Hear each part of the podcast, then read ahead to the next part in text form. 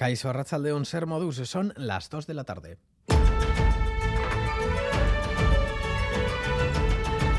Crónica de Euskadi con Lier Puente.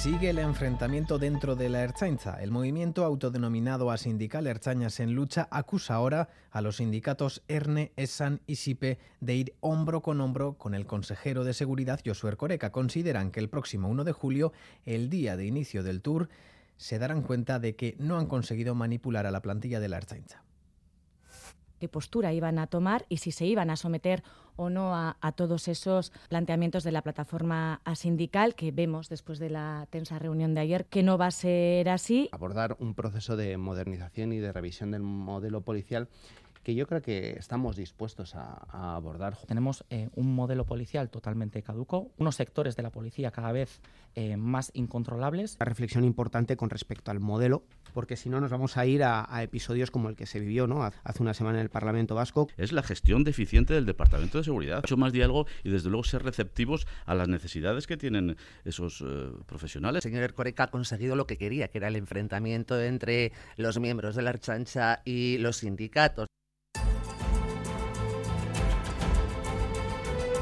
La polémica, como ven, llegado, ha llegado al Parlamento en las ondas de Radio Euskadi y los partidos continúan elaborando sus listas para las elecciones del 23 de julio. Anoche se cerró el plazo para inscribir las coaliciones. Pese al acuerdo, Podemos considera un error político de manual el veto a Irene Montero en las listas de sumar. Su cabeza de lista, Yolanda Díaz, ha dado las gracias a las formaciones por estar a la altura de las circunstancias. Escuchamos a Lili Bestringe y Yolanda Díaz que no estamos de acuerdo con el veto impuesto por parte de Sumar y de Yolanda Díaz a Irene Montero. Nos parece un error político de manual y nos parece que además manda un mensaje muy peligroso a nuestra sociedad, un mensaje de disciplinamiento del movimiento feminista. Hemos alcanzado un gran pacto por la esperanza y la esperanza es la que nos permite seguir caminando. Por su parte, el PNV y EH Bildu ya han ratificado y presentado sus listas. Los gelzales apostarán por Aitor Esteban para el Congreso, que irá acompañado de Maribel Vaquero, María Solana y Miquel Legarda en el resto de territorios. EH Bildu repetirá fórmula con Óscar Matute, Mertza Izpurúa, Belpozueta e Iñaki Ruiz de Pinedo. Escuchamos a Andoni Ortúzar y Óscar Matute. Va de quién va a defender más y mejor los intereses de Euskadi en Madrid, los intereses de toda la sociedad vasca. Euskal Herria Bildu es la única garantía para hacer frente a la agenda reaccionaria de las extremas derechas españolas. Euskal Herria Bildu es la garantía para avanzar en políticas progresistas con valentía y sin tibieza. Michelin Vitoria ha vuelto a parar la producción por tercer día con un seguimiento superior al 90%. Este paro tiene lugar después de que el Comité Intercentros de Michelin rechazara ayer de forma unánime la propuesta de renovación del convenio colectivo presentada por la empresa. John Coroso, CGT.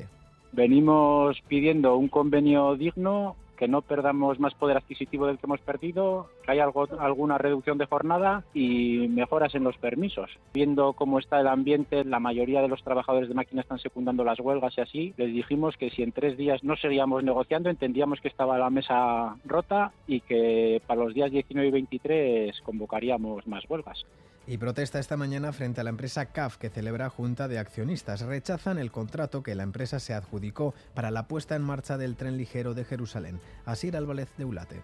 Eta gure helburu da e, CAF azkeneko e, iru urte hauetan e, sinatu zuen e, Israelgo gobernukin e, e, kontratue Jerusalengo trenarine edo tranbia e, eiteko eta luzatzeko. Eta bueno, horren kontra e, protestaitea gatoz, iruditzen zaigulako e, ezin dala negozioain beste eskubidek eta e, lurrek zapalduz. Les contamos también que los efectivos de los servicios de emergencia han recuperado esta mañana el cadáver de un hombre de aguas de la ría a su paso por el barrio de Achuri de Bilbao. Un particular ha dado aviso a emergencias. Una vez rescatado, el cuerpo ha sido trasladado al servicio anatómico forense. Y repasamos ahora los titulares deportivos con John Zubieta, Rachaldeón. Hola, Rachaldeón. Donostia se envuelve de la magia del rugby con motivo de la disputa de las semifinales de la Liga Francesa Top 14. Esta mañana se han medido Euskarians ante la selección de Cataluña en Anoeta. Chema Oliden nos desvela el resultado. Chema, Rachaldeón.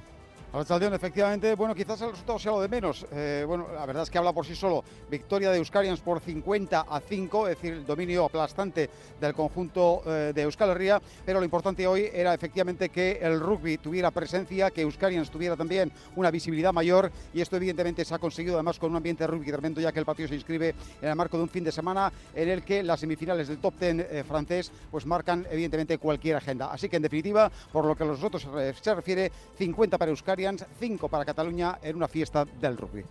Hablamos de fútbol, el Alavés se prepara a conciencia para el reto de mañana en Mendizorroza. Esta tarde, último entrenamiento y declaraciones de Luis García Plaza. El Levante es la última piedra en el camino para los de Gasteiz en su lucha por el ascenso a Primera. Hoy también puede ser un buen día para la Morevieta, que está a un paso de hacerse con el título de campeones de la Primera Ref. Le espera la reválida de Ferrol con una ventaja de tres goles. Más difícil, en cambio, lo tiene el Sanse, que debe remontar el 1-2 de Alcorcón, del Alcorcón la pasada semana para seguir peleando por el ascenso a Segunda. Además, el Manchester City e Inter de Milán se enfrentan a las 9 de la noche en Estambul para hacerse con la Champions League. En pelota, esta tarde tenemos la final de pala del torneo internacional Vizcaya Open 23 con Gaubeca Gordon por un lado y Madariaga Urrutia por otro.